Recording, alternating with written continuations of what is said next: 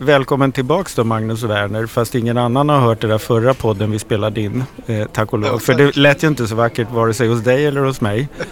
Eh, men lyssnarna ska nu få istället ta del av en annan intervju än den först planerade.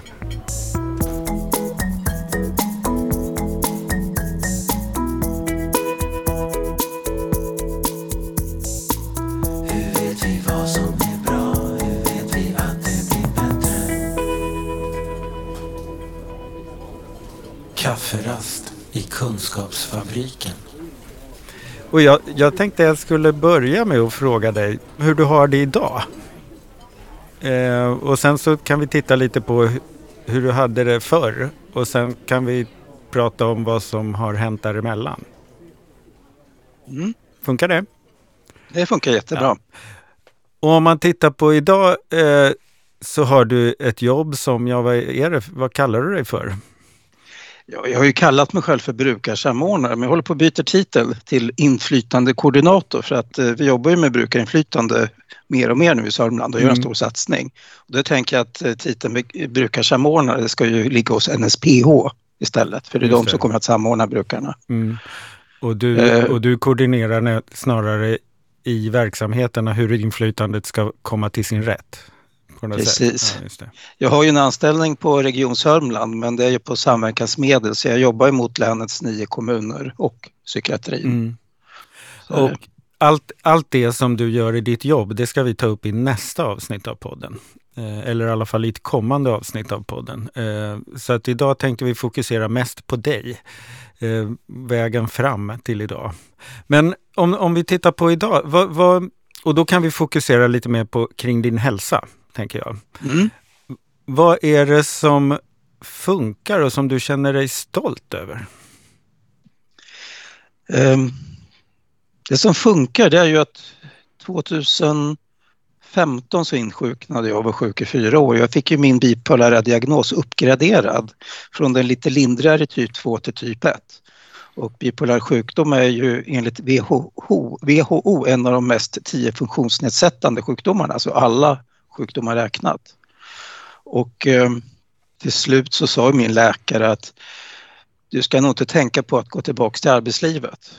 Och den här mm. läkaren har jag haft i 38 år som känner mig väl och jag var ju ganska risig då minst sagt. Det var en rätt hopplös situation men då begärde jag att få en social psykiatrisk placering och inte mm. mot arbete utan bara en ren sysselsättning. Och då började jag jobba, jobba med citationstecken då på vuxenskolan och starta, var med och startade föreningen Balans Sörmland och jag upptäckte ju ganska snart att jag hade ju ett väldigt jobbigt första halvår men kunde ändå jobba heltid och har gjort det nu i, i, över två år. Och det var egentligen bara för att jag kunde styra mitt arbete själv. Jag kan ha mm, trötta mm. dagar, då kanske mm. bara jobba fem timmar och sen har jag pigga bra dagar, då kan jag jobba åtta eller femton timmar. Så när jag fick den här valfriheten att jobba när jag orkade och när jag hade lust så mm. hade jag helt plötsligt full arbetskapacitet. Så jag gick egentligen från att vara på väg att bli ett kronvrak till att bli någon som producerar mer än 100 procent. Det är spännande och då, och då är det egentligen inte den totala insatsen som är skillnaden utan hur du får ha makt över hur du fördelar den. Ja. ja. Och jag ser ju väldigt många människor i min omgivning som skulle må bra av att ha den här friheten. Mm. Ehm, just den här kontrollen och makten över sin arbetsvardag. Det är ju ofta ett problem för människor som blir utmattade till exempel mm. att de inte har det. Men för mig har det varit avgörande för jag skulle inte klara av att gå 8 till 17 fem dagar i veckan utan jag jobbar i princip lite varje dag. Finns det någon nackdel med den där friheten eller någon risk? Min erfarenhet nu när jag känner ganska många bipolära det är att alla missbrukar på något sätt. Mm. Absolut inte droger och alkohol, men det kan vara att man bakar dygnet runt eller är träningsnarkoman, ortorektiker. Jag använder ju arbetet som självmedicinering. Mm. Är jag ledig en söndag och vaknar, för det är sällan jag har en gratis dag utan jag, får ta, jag, jag, får, jag är lite som en nykter alkoholist. Jag måste liksom avstå flaskan varje dag. Vaknar jag en morgon och det är en tuff start mm. och det är ofta att jag tänker att nej, jag har ingen lust att leva idag. Om jag då tar fram datorn och så kan jag sitta och jobba ett par timmar för det är mycket papper, alltså mycket visioner och målsättningar, dokument. Och, för jag jobbar ett par timmar och sen är jag på banan igen och när jag jobbar mm. så tänker jag inte på mitt mående. Så det blir liksom ett, sätt att uh, skingra tankarna på något vis. Ja, sen känns det så meningsfullt därför att allt jag gör i yrket och mitt stora hobby, alltså mitt stora ideella mm. engagemang, det handlar om att jobba för att andra brukare och anhöriga, precis som jag, ska få ett bättre liv. Så själva arbetsuppgiften är också ganska avgörande för att det här ska funka? Ja, mm. jag, jag, tycker att det är så mm. viktigt. Ja, just det. På tal om meningsfull sysselsättning. Ja, ja så jag har både meningsfullheten och jag har kontrollen. Mm. Och då, kan, då funkar det att ha en svår diagnos faktiskt, i alla fall i mitt fall. Och här, här kan man ju också tydligt se, för du pratar ju både om hur du har löst din vardag, ditt arbetsliv och hanteringen av din sjukdom. Mm. Att det är samma, samma sak egentligen, allt det där. Ja, så att e egentligen är det så att om man tittar på när man pratar om utmattade människor, man pratar ju ofta om det här att man ska skilja på arbete och fritid, man ska inte blanda ihop dem mm. och så mm. vidare. Men för mig skulle det vara negativt att särskilja dem. Mm. Jag, jag mår så mycket bättre när jag kan baka ihop allt till ett mm. och samma. Och sen kan jag helt styra om, om jag jag kan till exempel hämta dottern då, som min sladde som är sex år. Jag kan hämta henne klockan 12 när förskoleklassen är slut och sen kan vi sticka till Leos och hänga där resten av dagen. Och sen jobbar jag några timmar på lördagen när hon är hos sin mamma. Och det ger ju mig så mycket livskvalitet. Så jag vill inte skilja på jobb och fritid. Så den här coronan har egentligen passat dig ganska bra förutom att man inte får träffa folk? Ja, på sätt och vis. Jag mm. känner ju av det lite grann. Det är lite segt att inte komma ut. Jag gillar att träffa människor. Mm. Så är det ju. Men det passar mig rätt så bra. Vad är det idag som inte funkar då, eller som du tycker är svårt? Eh, det är väl eh, långsamheten. Eh, jag har ju suttit nu sen, jag lämnade fram en rapport då i årsskiftet och sen hade vi ett möte ganska snart 4 januari och nu skriver jag på en budget. Så att det kommer till ett beslut om tre tjänster för så att säga, mitt inflytandearbete men det kommer nog dröja till april, maj eller någonting innan pengarna kommer. Det här går att vänta på mm. beslut och stora organisationer. Det kräver lite tycker jag. Det lite nedbrytande. jag vill ju helst att allting ska hända imorgon att på lördag ska vi ha Bäst i Sverige på mm. brukarinflytande. Men, så jag håller på att lära mig tålamod. Det är väl den värsta biten tycker jag. Det är möjligt att du kommer få fortsätta att träna på det. Ja, jag tror det. Åtminstone fem år till.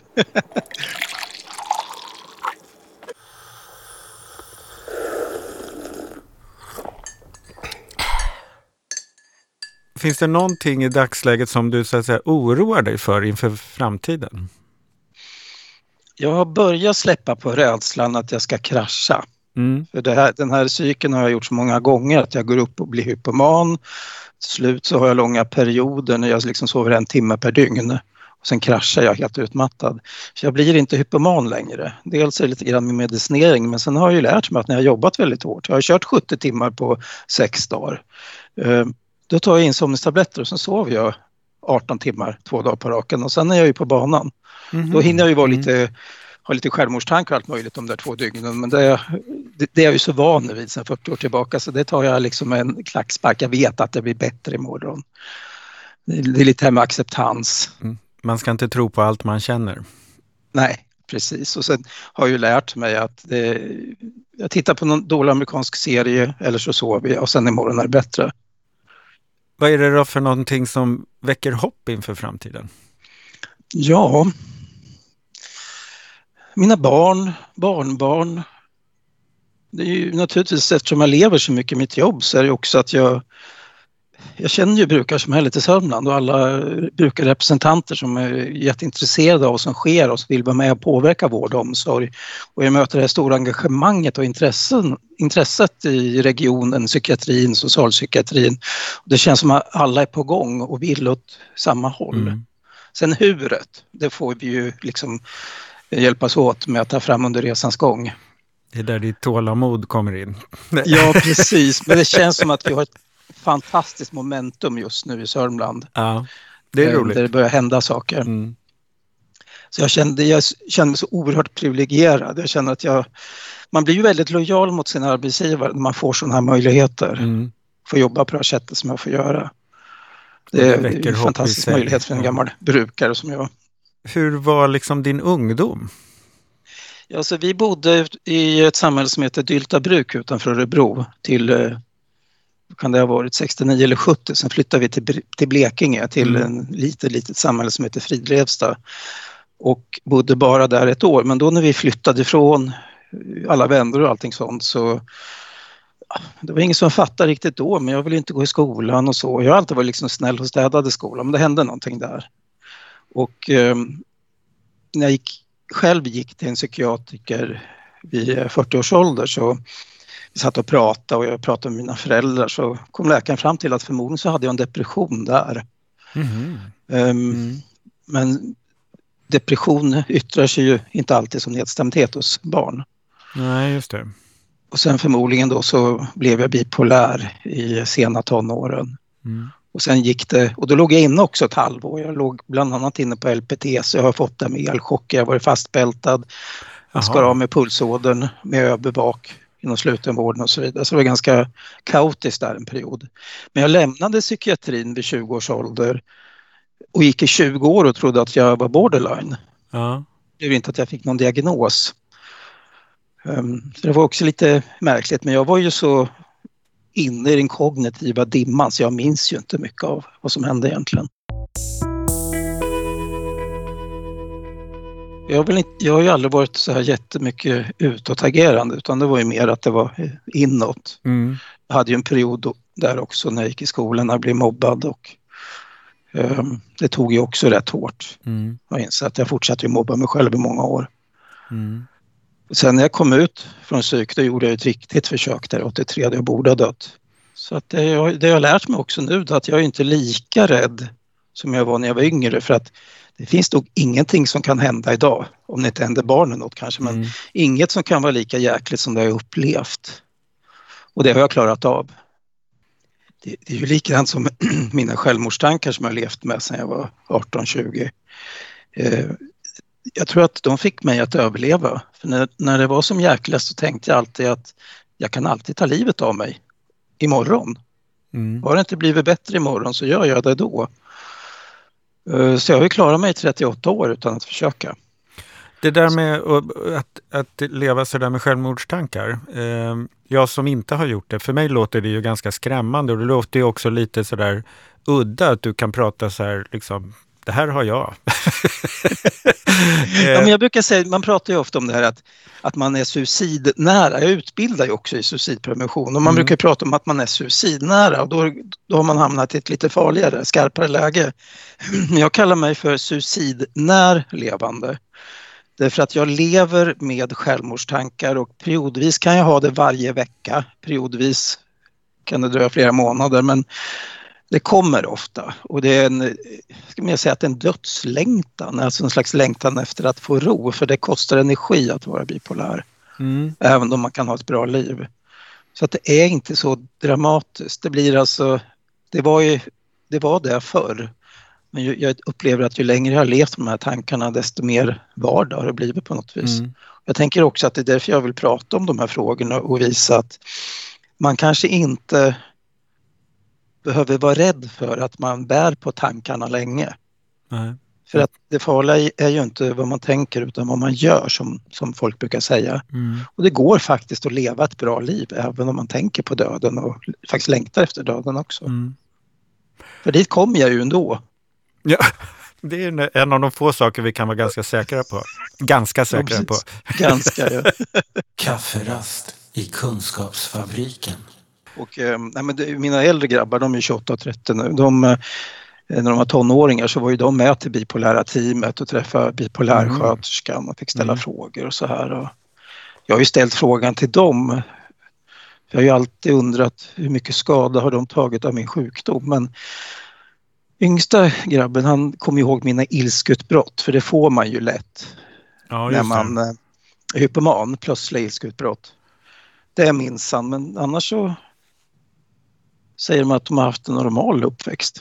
Nu vet mm. jag inte hur pass, om det handlar om lojalitet mot mig, men det finns ju positiva sidor med. Alltså rena manier finns det ju väl inget positivt i. Då borde man ju vårdas. Eh, men hypomanier som är lite lindrigare, där är man ju väldigt glad och positiv och pratsam och associativ och småtokig som förälder, hittar på en massa saker. Mm. Ehm, så jag tror att det kan finnas en rolig sida hos barn till exempel. Ja, dottern här, och så, och så, är jag ju normalt också, dottern ville ha sina favoritstrumpor och de var smutsiga. Mm. Då fick hon ta ett par vita strumpor och så fick hon måla samma mönster på de vita strumporna med tuschpennor. Det är inte alla ehm, pappor um, som gör så. Nej, och jag märker när dottern och sina kompisar hemma så tittar de med lite storögt på oss ibland när vi drar igång här med våra rutiner. Mm.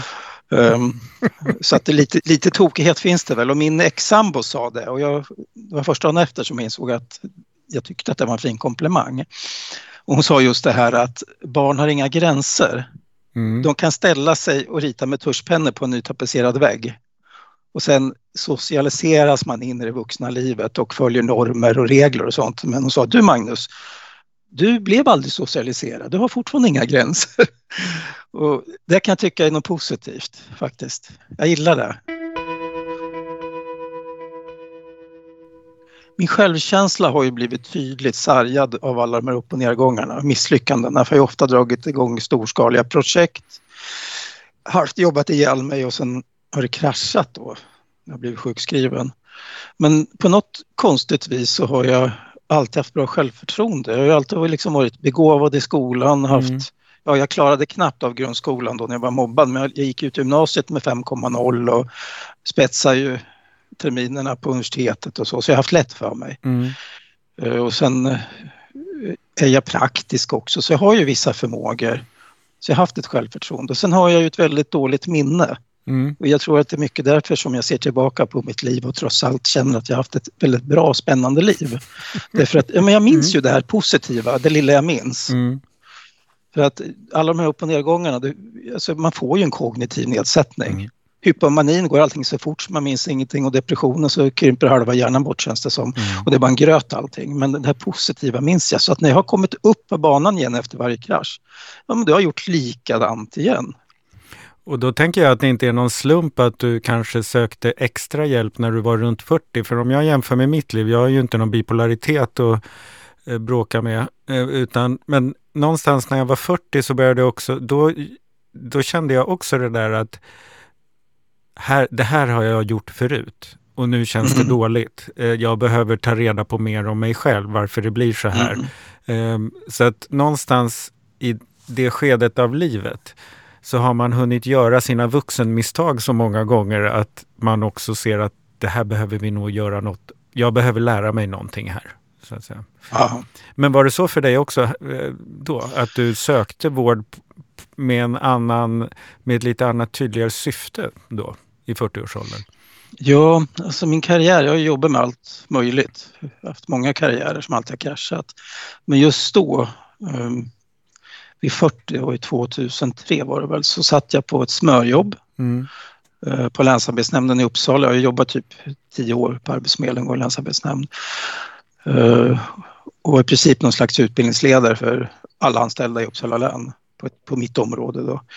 Så jag hade ju väldigt goda förutsättningar, jag trivdes väldigt bra i Uppsala, allting var bra. Mm. Och sen kraschade jag så tänkte jag att men det här, det är någonting som är fel. Så här är det inte meningen att livet ska vara. Och det var liksom i den situationen som jag sökte upp min gamla läkare då i Eskilstuna. Mm. Mm. Och hon konstaterade ju ganska snabbt att jag var bipolär. Och mm. förmodligen stod det redan i mina journaler skulle jag tänka mig. Från den där episoden 83 då? I ja. princip? Ja. Jaha. Mm. Men fick du då, kunde du tillägna dig någon annan typ av vård eller stöd eller var det där bara någon slags bekräftelse? Jag fick ju den här standardmedicinen litium och mm. um, den är ju bra men inte riktigt för alla. Mm. Jag vet att de forskar på det här nu med biomarkörer och sånt för att se vilka det passar för. Man kan liksom i förväg kan testa med ett blodprov. För jag upplever inte att det funkade alls på mig. Mm. Idag har jag en helt annan medicin som jag tycker funkar. Men det är ju liksom så här 15 år senare. Mm. Eh, jag, fick rätt, jag har fått bra stöd av min läkare, jag har fått gå i terapi och så vidare och det är klart att det har hjälpt mig men det hjälpte mig ju inte att leva med bipolariteten i sig. det är en sak att bearbeta om man känner oro, ångest eller depression och så. Mm. Men att leva med bipolaritet på ett bra sätt, det handlar om att undvika dem. Mm. Eh, För mig är det två helt olika saker. Mm. Och det var ju först egentligen som jag hittade hem till brukarrörelsen som jag förstod att psykiatri och socialpsykiatri är bara en pytteliten bit av, hel, av helheten. Det behövs någonting mycket mer. Ehm, Det behövs andra erfarna brukare som har gjort samma resa som, som jag skulle göra, som kunde ge stöttning och råd och hjälp. Var det då du kom igång och startade Balans i Sörmland när du insåg att jag behöver andra som är som jag? Ja, lite grann. Det blev så att då blev jag drivande i att starta saker. Jag startade till exempel en samtalsgrupp för bipolära. Mm. Det var jätteintressant det här att kunna sitta och skratta åt alla tokigheter som vi har gjort. Det var så befriande att känna att vi är olika som individer men vi har ganska likartade erfarenheter. Mm. Det här st- lite stolliga som dyker upp i de här hypomana maniska skoven. Och också erfarenheterna av de här djupa depressionerna. Har du skämts mycket för din sjukdom? Eller för dina tokeri- tokigheter? Ehm, inte alls fram till, egentligen fram till för något år sedan Ja. då jag insåg att jag har tryckt undan min skam så länge. Aha, så den har funnits men du har lagrat den någonstans eller? Ja, och det var väl när jag för första gången på allvar, det är faktiskt i samband med det här jobbet Mm. ehm, som jag började första juni förra året, när jag insåg vilken taskig självkänsla jag har. Mm. För när jag då skulle komma till professionella sammanhang med, jag mötte högre tjänstemän, chefer och så vidare, människor som jag hade ja, motsvarande utbildningsnivå fast inom mitt område. Jag skulle ha blivit gymnasielärare, samhällskunskap och historia. Ehm, men när jag skulle presentera mig själv, jag tänkte det är viktigt att jag presenterar mig som brukare också så att de förstår att jag har den bakgrunden. Att jag kan den biten lite bättre än dem. Och jag kände att, men gud vad jag, jag skäms ju för att jag är brukare. Jag var rädd för att de skulle uppfatta mig fel och bara se sjukdomen. Så att jag gjorde så att jag tänkte att hur ska jag skapa lite mer trygghet? Så en dragning tog jag på mig det jag brukade ha på mig förr när, när jag fortfarande brydde mig om hur jag såg ut. Mm. Och då tog jag på mig kavajen helt enkelt, Mm. min svarta kavaj som jag alltid hade. Då kände jag mig mycket tryggare plötsligt. Och då när jag insåg det här att eh, jag har en jättedålig självkänsla, då helt plötsligt kom skammen med på något vis. Och sen har jag gått i eh, lite privat terapi, inte för att jag mår dåligt utan för att jag mår bra och jag vill jobba med min dåliga självkänsla. Det har också lite, lite grann lossat det här att jag nu inser att jag är burit på en ganska rejäl, inte skuld, jag känner ingen skuld för att jag har liksom sårat eller skadat andra för jag har varit sjuk. Mm. Men, men jag känner en skam för att mitt liv har blivit som det har blivit och att jag jag känner nästan skam för att människor ska gå omkring och tro att jag jobbar för mycket, att jag inte ska orka och så vidare. Mm. Så att jag, jag försöker dölja hur mycket jag jobbar lite grann. Mm. Det där är en knepig sak. Eh, för det skulle ju vara mycket lättare att, att vara uppriktig med sådana där saker. Och om någon undrar så pratar man om det istället för att man... Skammen får ju en att försöka just eh, mörka saker. Ja. Ja. Men nu är det ju så att nu har jag jobbat så här över två år och jag tänker att när vart efter tiden går Mm. och de, människor ser att jag jobbar mycket mer än vad de gör och Mm. ändå inte kraschar. Mm. Ehm, så tänker jag att då kanske jag kan slappna av lite grann och inte vara rädd för vad de ska tro och tycka om mig. Hur vet vi vad som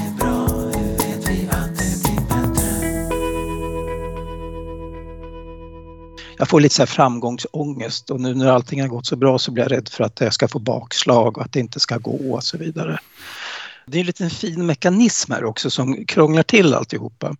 Och det är att om du är manisk Mm. då kan du riskera att bli tvångsvårdad därför att då har du liksom helt tappat fotfästet. Totalt tappat omdöme. Men när du är hypoman står du fortfarande och balanserar på en fot. Men du har ett dåligt omdöme. Man Mm. ger sig iväg in på alla möjliga saker. Eh, Jag har ju tack och lov aldrig skaffat stora skulder och såna här saker. Mm. Så jag har liksom varit ganska modest på något vis i min hypomani. Men det här gör ju att när man börjar, börjar gå in i hypomanin så märker man inte det här först. Typ de första 20 åren. Mm. Eh, och sen när man har passerat en gräns, sen ser man inte det utan då rullar det bara på. Men, men känner du igen hypomanin idag? Ja, idag vet jag ju att vaknar jag före väckarklockan, då är jag på G. Okej. Ja. Kan jag inte somna, då är jag på G. Eh, då gör jag så direkt att Eh, Jag, tar en insomnings, jag har både insomningstabletter och eh, sömnmedicin. Mm. Men insomningstabletterna däckar jag på. Mm. Då tar jag det och sen får jag se, att jag, se till att jag har ledigt dagen efter. Alltså det jag tycker är fascinerande är ju livets långa skola, inte alltid hårda, men i, alltså att det är väldigt många olika ämnen i livets skola när det gäller bipolaritet. Det handlar om både att hitta de här medicinerna, att jobba upp bra relationer till läkare. Det handlar om att få tid att grubbla över vad man har varit med om och vad, hur man funkar. Och sen så hitta det här som är både hur jag tar hand, hur jag upptäcker tidiga signaler och vilken typ av arbetsliv jag behöver för att kunna Mm. använda mina strategier. För hade du haft ett 8-5 jobb, då hade ju du aldrig kunnat använda dina strategier. Nej, nej. Jag hade varit sjukpensionär då. Mm. Så enkelt är det. Och sen hade jag velat jobba ideellt i föreningslivet. Ja, men det är en svår bit för att jag har alltså haft samma läkare sedan 1983. Jag har haft ett par möten med annan läkare när min läkare haft semester. Mm. Annars bara henne. Och det, den vanliga bilden det är ju att man har inte samma läkare i 38 år utan man kanske har 38 läkare på ett år. Mm. Eh, Jag känner bipolära som har fått rätt medicin första gången. Jag känner bipolära som efter åratals mixtring med läkemedel fortfarande inte har hittat rätt. Och det, det kanske de aldrig gör, men alltså det, så bara det med gäller medicin och läkare, ehm, är, det är ett lotteri om man ska ha tur. Mm. Och sen också det här med strategier för hur man ska hantera. För att man kan ju läsa om vad bipolaritet är. Men hur lär man sig att leva med det och hitta sina strategier och så. Så att här har jag ju lite grann laborerat med um, stämningsdagbok. Det finns ju ett enkelt papper för det, Mm. men jag har gjort en egen digital variant där jag lägger in, ja, man lägger stämningsläget, hur man går upp och ner. Eh, Och sen har jag plockat in massa olika variabler som kost och sömn och socialt umgänge, motion och rubb och stubb. Och sen kan jag se hur olika händelser i mitt liv sammanfaller med mina upp och nedgångar. Där kunde jag till exempel se att man går ju lite grann upp i ett sånt där hypomontrus som man dricker och det behöver inte vara mycket, kanske Mm. två, tre öl eller glas vin. Och då blir man glad och sen sover man lite mindre pigg. Och sen typ så här, tre dagar senare så får man en dipp när man är trött och slut och känner sig, ja, purken. Eller inte purken men inte så glad. Nej. Så jag, jag insåg att dricker jag på en fredag eller lördag då kommer det mitt i arbetsveckan. Men dricker jag på en onsdag då, då kommer det på helgen och kan jag vila. Det man behöver göra tror jag att man behöver kartlägga sig själv väldigt noggrant. Så att man ser hur man reagerar och varför man gör det. Försöka Mm. hitta orsakerna. Hitta såna här triggers och stressorer och allt det här. Hade du själv när du var 20 eller 40 eh, nappat på om någon kom dragandes med en stämningsdagbok? Jag vet faktiskt inte. Jag, Mm. hade, jag, tror, jag vill minnas att jag under tre inläggningstillfällen som jag haft har träffat en bipolär person. Men innan jag Mm. började med Balans Sörmland så kände jag ju inga bipolära. Mm. Och de jag möter nu som jag stöttar, jag kan gå in i familjer och vara, träffa både anhöriga och barn eller makar eller vad det nu handlar om. Men även sådana som kommer till Balans Sörmlands verksamhet. Så är det ju som regel så att de känner inga andra bipolära. Nej. De har inga referenspunkter överhuvudtaget.